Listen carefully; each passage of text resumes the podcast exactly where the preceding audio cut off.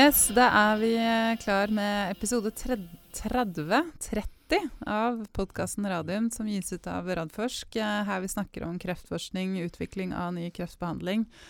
Og ikke minst eh, porteføljebedriftene til eh, Radforsk. Eh, Velkommen i studio, Jonas Einarsson. Takk skal du ha, Elisabeth. Ja, litt sånn hyrten og styrten her, begge to. Ja, Feil dag og det går bra. Ja, sånn går det. Jeg var forkjøla i går når vi skulle ta opp. Det hadde ikke gått. Nei.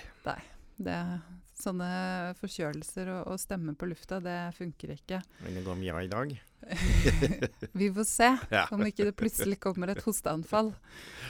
Um, men uh, ting har skjedd siden sist. I dag har vi ingen gjester. I dag skal bare vi preike, for en yep. gangs skyld. Lei av disse gjestene som snakker så fælt. Ja. Men uh, det har vært uh, kvartalsrapportering fra PCI Biotech. Det har det. Ja. Var i går. Mhm. Eh, spennende det. Jeg forventer jo ingen store nyheter som vanlig på kvartalsrapporten. De bruker de pengene de skal og etter, etter budsjett. Eh, PCI taper enda mer penger, som det står i, på Hegnar Online i går. Og det er enda bra, for da vet vi at det skjer ting. Da vet vi at de bruker pengene på riktig måte. Ja. Eh, det som for så vidt ikke er nytt, men eh, gjentok at de skulle ha ferdig designet til eh, pivotalstudien i år. Og det er jo ikke så mange ukene igjen. Nei. Så det betyr at de må jo ha kommet langt med samtalene sine med FDA og EMEA. Mm. De er i gang med den utvida fase 1-studien med å gi flere behandlinger. Mm. Eh, presiserte at det medfører ingen utsettelser. For Mm. det eneste de skal se på der, egentlig, det er safety. Eh, ikke effektdata, for det kommer i pivotalfasen. Så det er bare å se at det ikke dukker opp noe uforutsette safety tox-ting ved at man gir det en gang til. Mm. Det som kom fram, var jo også at de allerede har gjort det. Å ja. Eh, Det er eh, flere av Har de? Nei, de har ikke juksa, men det er flere av klinikerne som har eh, behandlet Mm. pasienter i den første delen av studien. Skjønner. Som har kommet tilbake og spurt om å få lov til å gi en behandling til. Og det, Fordi hadde de ser de, at det har så stor effekt. Ja. Ja. eh, og det har de gjort. Mm. Eh, Så det betyr at de vet at dette ikke antagelig er farlig. Så det, er- Mm. det er bra. Det er veldig bra. Det er godt nytt. Det er godt nytt, er i rute der. Og når det gjelder eh, vaksinasjonsstudiet, så blir det utvida.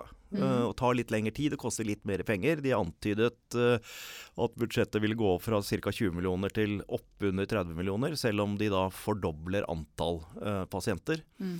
Og Årsaken til at de gjør det, er litt overraskende, men faktisk litt morsom klinisk data. Og det er at den beste immunresponsen, den Mm. kom på den laveste dosen. Oi. Og Det betyr at de Ja, faktisk må gå enda litt lenger ned i dose for å se om det gir enda bedre respons, for å være helt sikker på at de treffer på riktig dosering.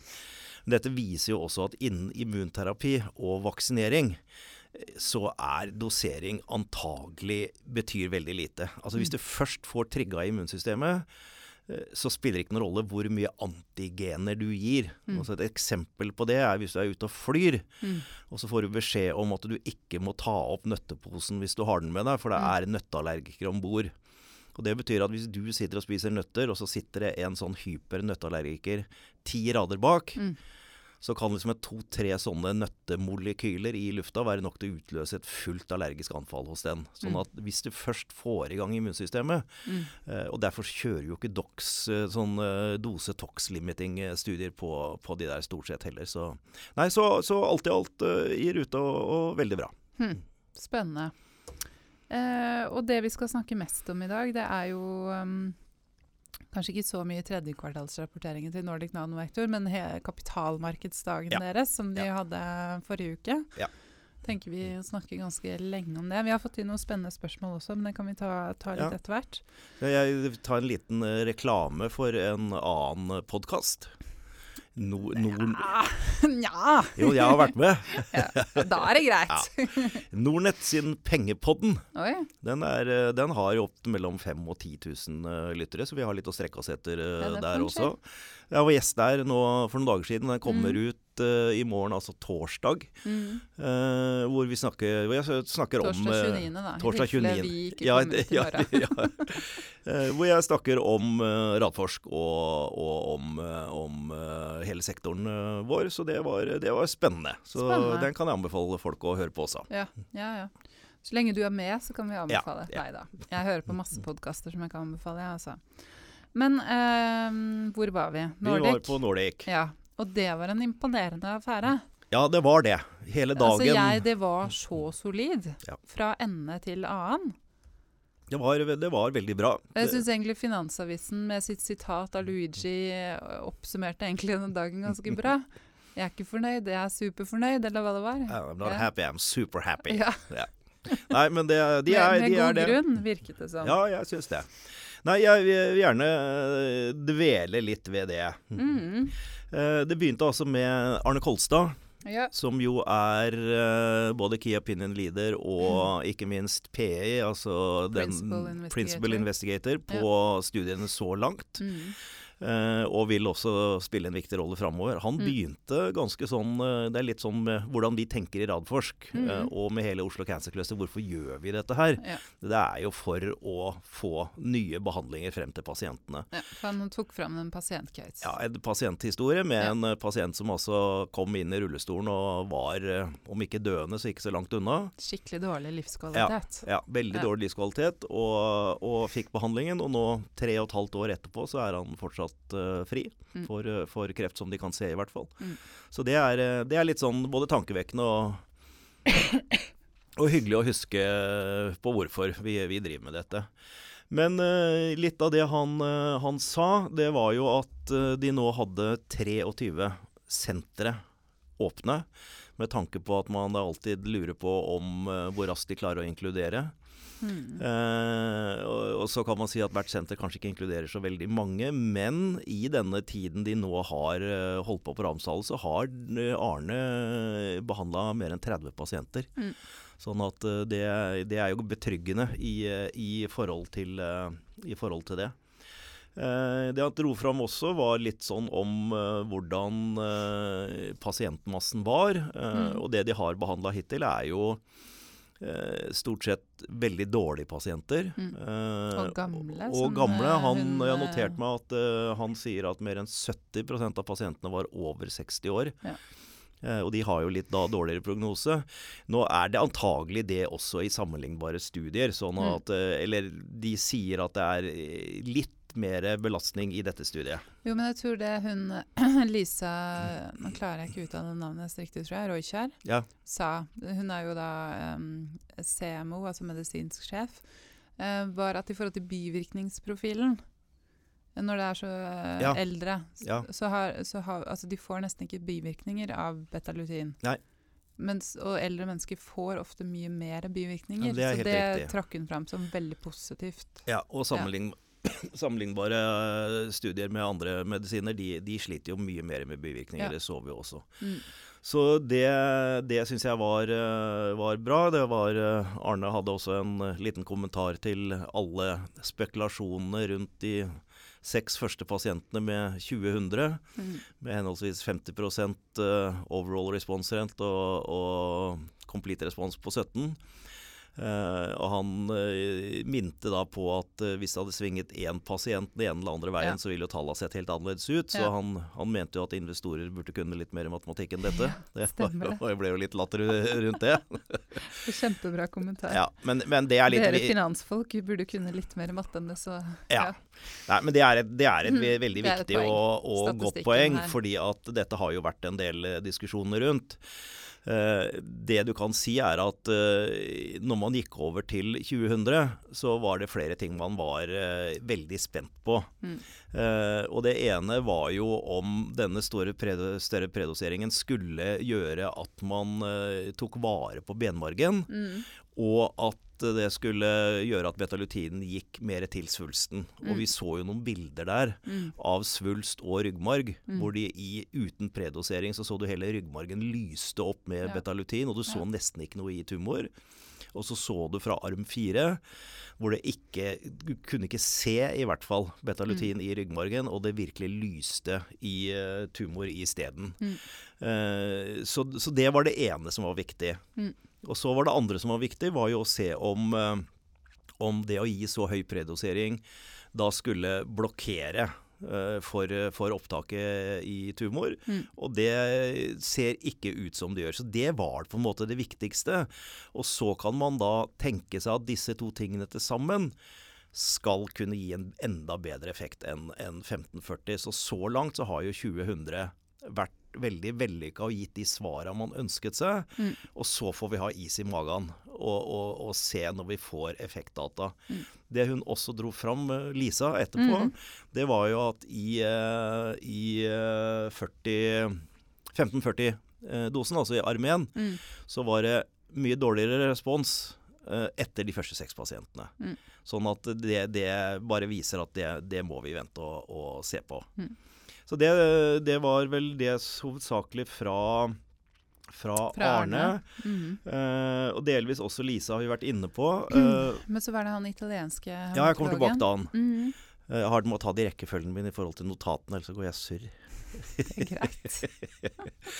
Eh, det hun tok fram som var nytt for meg i hvert fall, det er at de prøver å få til det de kaller for sømløs, eller seamless design, på fase 2-pivotalstudien. Det må du forklare. Det er rett og slett at den studien som allerede er i gang, det er oppstarten på fase 2-pivotalstudien.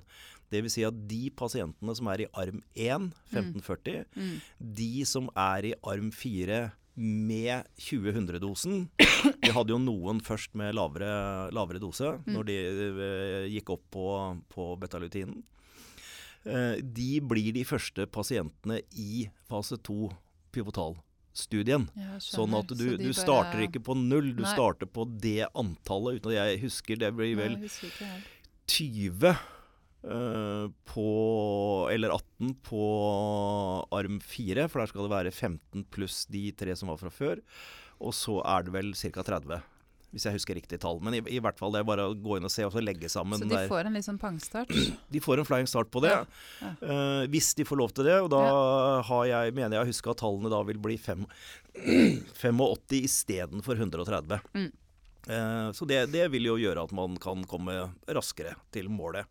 Så det, det er Hvis de får til det, så er det, er det positivt. Mm.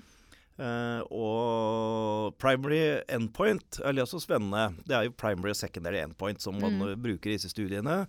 Det vil si når du kan slutte Ja, nei, altså, hva- er det du leser av? Hva er det du leser av? Ja. Ikke sant? Og da, er, da kan det være overall survival rate etter to år og tre år, som vi har vært borti i tidligere. Mm. Men de har altså fått, eller går for, da Det er jo ikke, det er jo ikke endelig godkjenning på noe av dette ennå, men de går for overall response rate Mm. som, eh, som eh, endpoint, og det Mm. leser de av etter tre og seks måneder. Og det er rett og slett Det er lurt. Ja. Og når du ser på disse svimmelplottene, Ja. så, så ser du jo hvordan omtrent alle, det er 87% som har fått respons, Mm. men du får ikke lov til å kalle det partial respons Nei. før det er mer enn 50% eller 40 er det vel, Mm. av svulsten som Eller gått ned med, med, med så mye. Men du ser at det, det er nesten alle sammen Det ligger mange liksom litt oppover også, som kanskje har 30-40 mm. nedgang i svulsten. Og det hjelper jo pasientene masse, selv om det da ikke kommer inn i statistikken. Mm. Og det er tilbake til de første seks pasientene. Mm. Vi vet jo ikke om de andre tre pasientene har hatt 20-30% reduksjon, så det er sånn vi ikke kan lese av før seinere. Mm. Men, men jeg syns det er positivt at det er overall uh, response rate, og så er det eh, duration of response, altså hvor lenge Mm. uh, responsen eh, varer, safety og quality of life, som Ja. er secondary endpoint. Ja. Og det siste er litt viktig, Mm. for det var faktisk med quality of life-dataene Mhm. at Sofigo fikk godkjenningen den, den første gangen. Ja, for da, da ble de stoppet, rett og slett, ikke sant? Ja. midt i sin fase tre. Ja. Fordi det var uetisk å ikke gi det til alle pasientene Ja. i For det de, det de så, var jo at uh, disse pasientene som har prostatakreft med, med Ja. skjelettmetastaser, Ja. de har det helt forferdelig. De Mm. har så mye smerter. mm. Og så så de hvordan den kvalitetsbedringen kom Mm. i de pasientene. Og da sa de dere må fortsette studien, men Mm. vi kan ikke gi narremedisin Nei. på dette lenger. Når det fungerer så bra. Og det kan man tenke seg her også. Mm. eh, og om det blir en randomisert blind studie med narremedisin eller ikke, det vet vi ikke. Nei. Men guider fortsatt på at de skal bli ferdig med dette i løpet av eh, dette året. Og igjen, Det er ikke så lang tid igjen der. Nei. Det er spennende. Veldig, veldig, veldig spennende. Så var det vår venn eh, Pierre Luigi Zinzani, Ja. den italienske professoren. Ja. Ja. Eh, her er det viktig å, ha, å, å være klar over et par ting i eh, forhold til han. Mm. Han er altså en av verdens aller fremste key opinion leaders Mm. innenfor eh, for denne sykdomsgruppen. Mm. Og spesielt da folikulært lymfom, men også alt innen lymfom. Han viste oss mange studier, Mange studier. mange studier og resultatene fra de. Ja. Og det man skal merke seg, Mm. Det er at han er enten med eller PI på nesten alle studiene. Mm. Så det er ikke slik at han er hyra inn av Nordic Nanovektor til Nei. å snakke opp betalutin. Nei, Han, han, kjører han studier. kjører studier for alle, og nesten med alle de nye studiene hadde han Mm. vært med på. Mm. Så han er uhilda når han sammenligner. Så bombarderte han oss med data. Og, mye statistikk. Og mye statistikk Ja. og overall response rate og Ja. duration of response og safety og i det hele tatt. Uh, og så gikk han bort på tavla Mm. og, og På en tegnet sånn whiteboard. ja, på sånn whiteboard og Ja. tegna opp resultatene. Mm. Uh, og det vi ser, det er at når det gjelder single agent, altså Mm. der hvor du behandler pasientene med én type behandling, Mm. om det er rituximab eller disse nye PIK3-inhibitorene, som jo er den som ble godkjent for uh, kort tid siden, uh, så er pakka til uh, betalutin, Mm. altså med eh, overall response rate, complete response, duration of response, safety, Mm. ikke minst, pakka til Og compliance, altså enkeltheten. Mm. Det at du gir bare én eneste dose av betalutin, Mm. og så er, bør ikke pasienten komme tilbake til sykehuset så lenge han fortsatt er frisk. Mm. Annet enn til seter eller hva de, hva de følger opp med. Der er, eh, i mine øyne, betalutin ganske så suveren. Mm. Og så kjørte han øh, Og det inkluderer den nye øh, øh, PIK3-hemmeren. øh, Den heter øh, Ja, det kommer jeg på hva den heter. Men eh, den har altså den har altså mye Den heter Copanelisib, og den har en overall response rate på 58 Mm. og en complete response på 14. Mm. Og en masse bivirkninger. Ja. Spesielt da med, med betennelser, tykktarmbetennelser Mm. og, og andre ting. Så han var rimelig tydelig på at han mente betalutin var ganske så suveren Mm. i, i forhold til den. Og så viste han oss kombinasjonsstudier. Mm. F.eks. Pembro, som er den, en av de nye checkpoint-inhibitorene, Mm. pluss rituximab, Mm. som da gir en overall response rate på 65% og en complete re respons på 50% Altså complete respons litt bedre enn betalutin alene, men hva vil betalutin gjøre i kombinasjon med checkpoint-inhibitor? Mm. Eller med rituximab, som jo er den studien de nå skal starte, denne Mm. Archer-studien Mm. som også er veldig spennende. Og Mm. Den skal de også komme raskt i, gang med. Jeg ser for meg at det er det som blir behandlingen. Ja. Altså de, de må bevise betalutins egenskaper som single agent Mm. alene. Og så, hvis de da får enda bedre resultater, hvilket alt skulle tilsi at de gjør når de behandler sammen med rituximab, så betyr det at da gir du ikke rituximab først, og venter til den ikke virker lenger før du gir betalutin. Og hvis det blir sånn, så har du allerede flytta betalutin fra tredjelinje til annenlinje. Dette har ikke selskapet sagt noe om, men det er bare Nei. sånn jeg tenker. Men det er jo det vi gjør her i dag. Vi kommenterer litt rundt eh, Ja. mulighetsrommet. Så, det var, eh, Mm. så hans konklusjon var jo ganske tydelig på at dette var eh, noe som han mente helt klart hadde sin plass. Ja. Det syns jeg er, er oppmuntrende. Ja, det var veldig spesielt den uh, gjennomgangen han hadde til slutt, hvor han på en måte oppsummerte alle disse tallene som, Ja. som egentlig flagra rundt eh, de fleste. Ja. Den, den var veldig overbevisende. Ja, jeg syns, jeg syns virkelig det var, eh, Ja. det var det. Så det er to ting når vi utvikler Jeg ble spurt om det i, i denne pengepodden også. Hva er det vi i Radforsk ser på når vi går løs på en, eh, et, et nytt prosjekt og et, et nytt selskap? Mm. Det er to ting. Det ene er teknologien. Mm. Tror vi dette kommer til å virke? Mm. Eh, Det vet vi jo som regel ikke når vi starter selskapene. Eh, Men det er det ene. Eh, Betalutin virker. Ja. Vi har et produkt. Ja. Det er det ingen tvil om. Eh, det, kommer, det kommer på markedet, det er jeg Ja. helt sikker på. Så er neste spørsmålet vil klinikerne og legene bruke det. Mm. Og da var det Marco som uh, kom Marco på banen. Marco for president, som jeg skrev Marco på Twitter. Imponerende Oh arbeid de har gjort. Ja. Så de har tatt dette de, de sa Jeg satt jo i styret der fram til uh, børsnotering. Mm.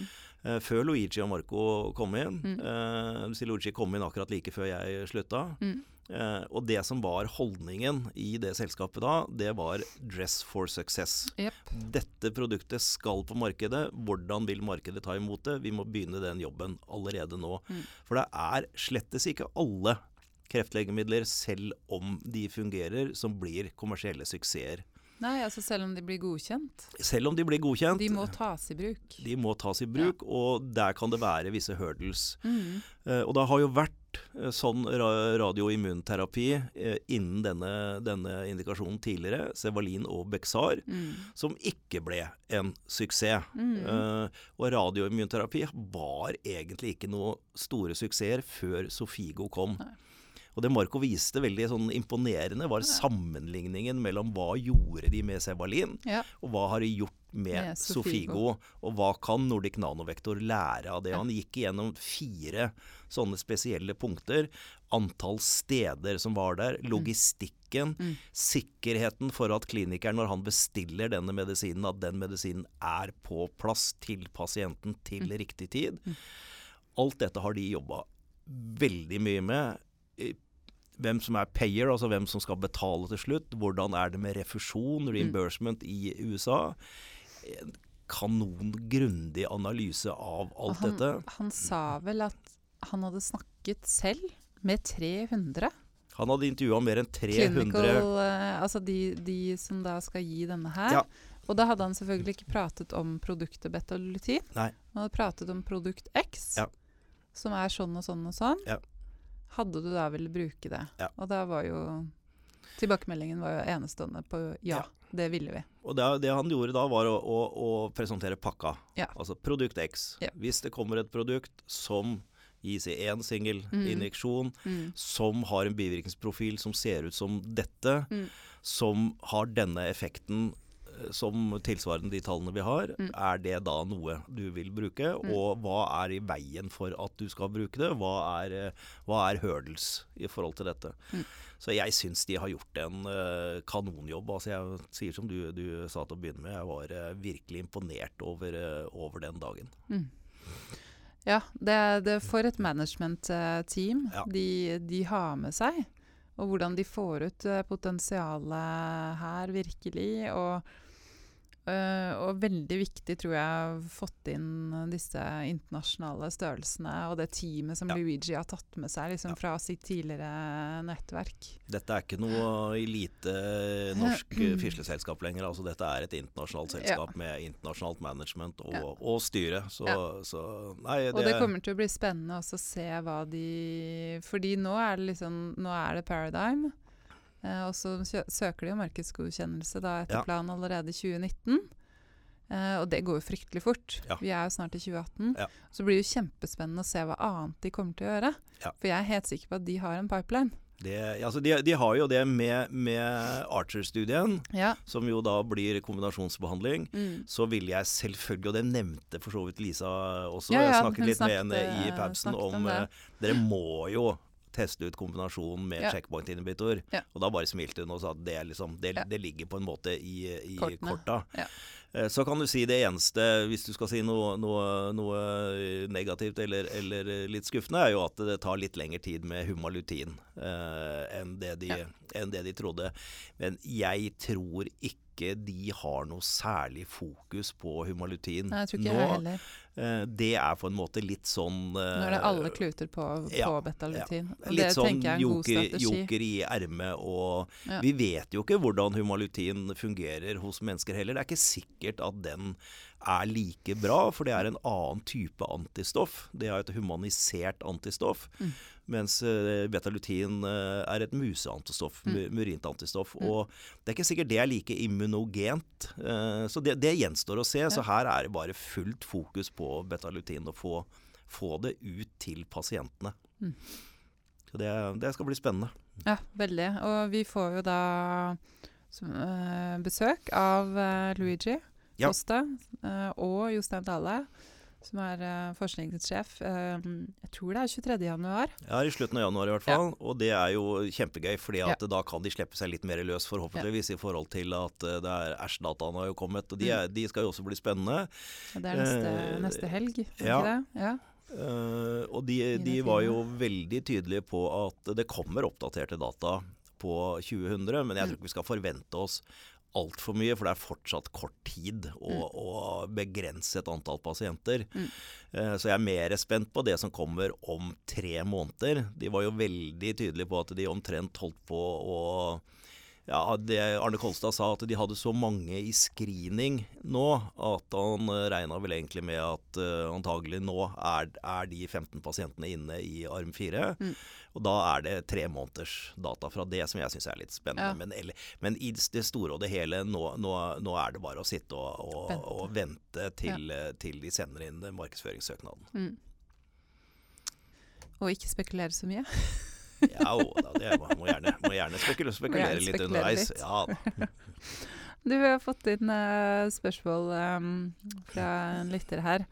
Uh, to spørsmål. Uh, ene er hva er fordelen med å ha et kreftregister for de norske selskapene som utvikler kreftmedisiner? Kreftregisteret er en eh, sånn eh, litt uslepende juvel. Det ligger utrolig mye data der som alle selskapene kan, eh, kan eh, benytte seg eh, av. eh, Og gjør nå mer og mer. Og Kreftregisteret med Giske Uskin, som er direktør der nå, mm. eh, hun er veldig utadvendt i forhold til dette og ønsker at disse dataene Ønsker skal samarbeid. Jeg ønsker samarbeid. Ja. Eh, husk på at eh, når den eh, store vaksinestudien gikk i Norge på HPV, altså Mm. på, på denne vaksinen som skal forhindre livmorhalskreft, Gardasil? Gardasil, ja. Mm. eh, så ble den lagt til Norge fordi vi hadde kreftregister. Ja.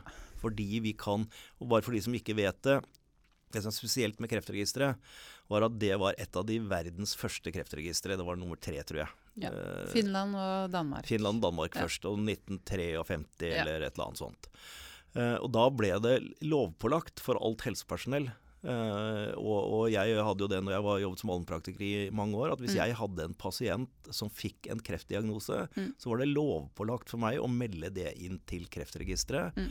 Og så blir den pasienten fulgt av Kreftregisteret så Mm. lenge pasienten lever, med eller uten eh, kreftsykdom. Mm. Eh, og det er disse dataene som, hvor vi kan følge pasientene hele tiden. Det er det ikke så mange land som har. Det er nordiske land eh, stort sett. I USA så er det sånn at hvis du har, en, nei, hvis du har en kreftpasient der, eh, og Med en gang som som vedkommende flytter, så er det bare Hvor er vedkommende? han kan gå til legen over gata, Ja. så er den ute av systemet. Ja. Så, så dette oppsamlingen av disse dataene pluss kreftbiobankene våre, Mm. det er, kan være gull verdt. Så det, det er kjempeviktig for oss. Ja, så dette er jo absolutt et, et fortrinn for de norske selskapene. Ja, Det er det. Så dette er jo data de Ikke bare de benytter seg av, men også legemiddel, eh, legemiddelfirmaene Ja benytter seg av. Ja, og alle, Mm. alle, dette er offentlige registre, så selvfølgelig fullstendig anonymisert og alt disse tingene her, men, men alle kan be om å få data fra Kreftregisteret som, Ja. som jobber med dette. Så eh, for folk som er glad i, i tall og statistikk, altså Kreftregisteret har fått en kjempefin nettside. Så bare gå inn der og se på tall og hente ut og Uh, og jeg vet, jeg lurer på faktisk om Giske skal ha en forelesning på Kreftforeningen sitt vitensenter i morgen tidlig. Okay. Ja, men da er vi noe er, er dette her, men Vi vet aldri når disse podkastene kommer ut. Men da kan vi i hvert fall si at hun Hvor temaet var, eh, var og er eh, persontilpasset kreftmedisin. Ja. Og det er jo noe som hun, hun er veldig opptatt av. Hvordan Ja, du kan bruke da, registerdataene til Ja. å utvikle helt persontilpassa data. Eh, og så er det siste spørsmålet. Kunne dere gå gjennom hva som ligger i de ulike betegnelsene for kliniske studier? Fase 1-2, fase 2, fase 2A, fase 2B osv. Ja, Ja. eh, det kan vi selvfølgelig. Det er jo litt Eh, forskjellig hva som ligger i de Ja, ulike. altså de, Ja. dette er jo en inndeling fra den gangen vi eh, utviklet eh, hjertemedisiner eller cellegift eh, hvor man startet med Bortsett fra kreftlegemidler, så startet man i fase 1 med friske frivillige. Mm. Eh, bare for å se at man ikke tar livet av pasientene, at ikke det er for farlig. Eh, det gjør man enda. Så fase 1-studier er alltid safety. Ja. Eh, og det kan være bare noen få pasienter.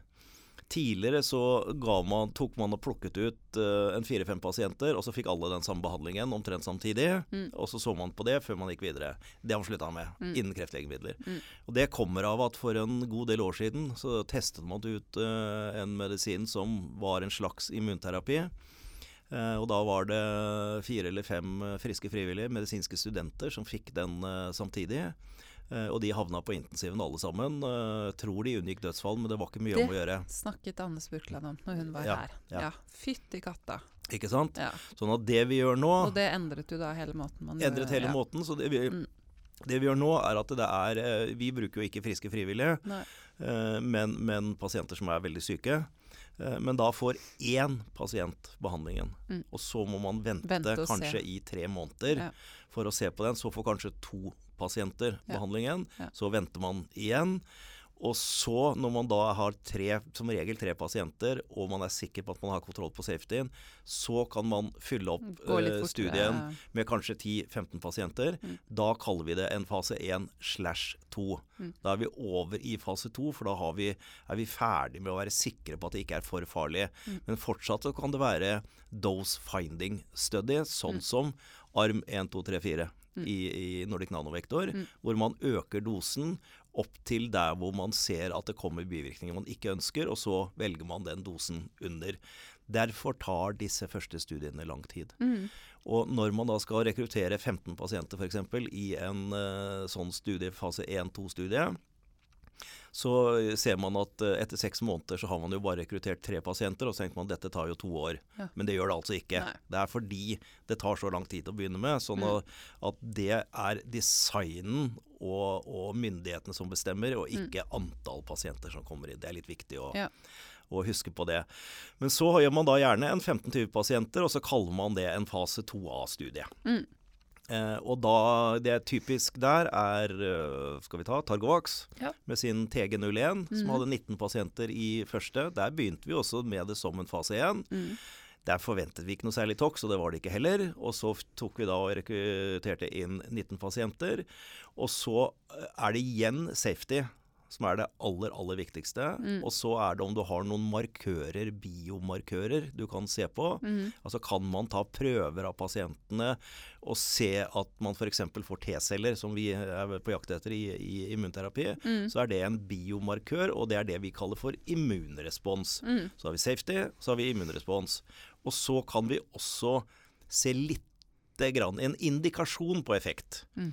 Eh, og igjen da med Targovak som eksempel, på den eh, første eh, kohorten som vi har ett og to års overlevelsesdata på, hvor vi kan si at det kan være Enten så ser vi ingenting, og det er ikke noe særlig oppmuntrende, eller så ser vi data som kan peke i den retning at det er oppmuntrende. Og Mm. da går vi typisk tilbake til legene, Mm. til Key Opinion Leaders, og sier vi se på disse dataene, hva syns dere? Mm. Og i Targovaks i tilfelle så sa de dette er lovende, vi anbefaler at dere går videre Mm. med en studie. Da ville man i gamle dager kjørt en fase 2B-studie, Mm. som kanskje var 30-40-50 pasienter. Tok et par år, og så jeg ofte på, på overall survival, altså hvor, rett og slett hvor, hvor lenge lever disse pasientene. Mm. Eh, og hvis det var også lovende data, så satte man i gang den store fase 3-studien, Mm. som kunne være opptil 1000 pasienter, og som kanskje tok tre år, Mm. eh, før man da endelig hadde dataene. Ja. Eh, da var det statistikk man målte. Mm. Typisk sånn cellegift. Da, så man, da, da var liksom målsetningen at median survival, altså hvor lang tid det tar før halvparten av pasientene er døde, Mm.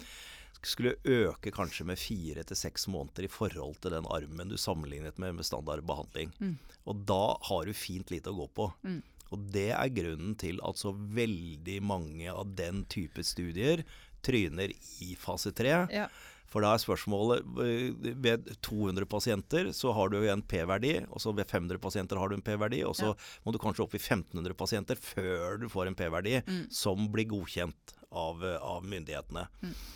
Det vi gjør nå, som Nordic Nanovektor gjør, som Ultimovax planlegger, som Targovax planlegger, som PCI planlegger, Mm. det er det vi nå kaller for en pivotal fase 2B-studie. Mm. Og det betyr at vi har en helt annet effektdata Mm. å se på, og de studiene er som regel mye kortere. Og man leser av underveis. Det er ikke sånn at man tar inn 1000 pasienter. Ingen vet noen ting om hvordan det har gått med pasientene, og du venter et halvt år på at du ser på dataene, og så får du vite enten tommel opp eller tommel ned. Mm. Her kan man justere dette underveis, Mm. og i samarbeid med legemyndighetene så ser man at ja, men eh, kanskje det hadde vært lurt å legge til en arm til, Mm. hvor vi gjør den og den endringen.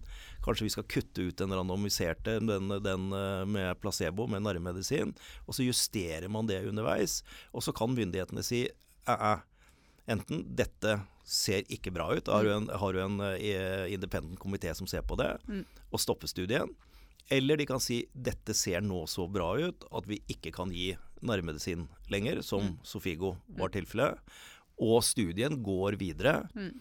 Eller de kan si at dette er så bra resultater at dere får lov Dere får en markedsgodkjennelse, men en betinget markedsgodkjennelse. Dvs. Si at studien skal gå videre, Mm. Men dere får lov til å markedsføre og selge medisinen. Mm. Så det, er, har skjedd en kjempeendring i hvordan vi gjør kliniske studier når pga. immunterapien, rett og slett. Så, så vi må liksom se på det La oss si heller at fase 1, ren safety. Mm. Uh, en fase 1 slash 2, mer safety og en antydning om effekt. Mm. Og med gode resultater direkte inn i en fase 2B pivotal. Det er den nye verden. Ja, så kort oppsummert, det går, det går mye raskere nå. Ja. Man får silt ut mye tidligere de som på en måte ikke er noe verdt å gå videre med. Ja. Og de som er verdt å gå videre, de går raskere Ja. eh, gjennom systemet. Og det er mye tettere kontakt med legemiddelmyndighetene hele veien også. ja, ja. Eh, ikke minst. Eh, jo, det, det glemte vi å si noe om, fordi, fordi han eh, Marco fra Nordic han sa jo det at eh, bare i år så selger jo Sofigo for eh, 500 millioner eh, dollar. Ja, det er en halv, halv blockbuster. Ja. Og, det er sånn, og, og de, de tar jo ikke engang høyde for seg egentlig å behandle altså kreft, men de behandler jo spredning, ikke Ja, sant? ja.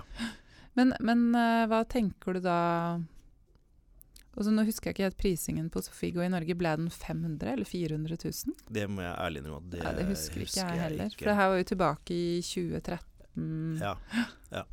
Men man kan tenke seg da om hva slags prising altså Hvor legger eh, Nordic seg? Hvis vi skal spekulere litt på slutten her. Ja. Tør ikke? Nei, jeg, Nei. Jeg, jeg gjør ikke det, altså. Nei.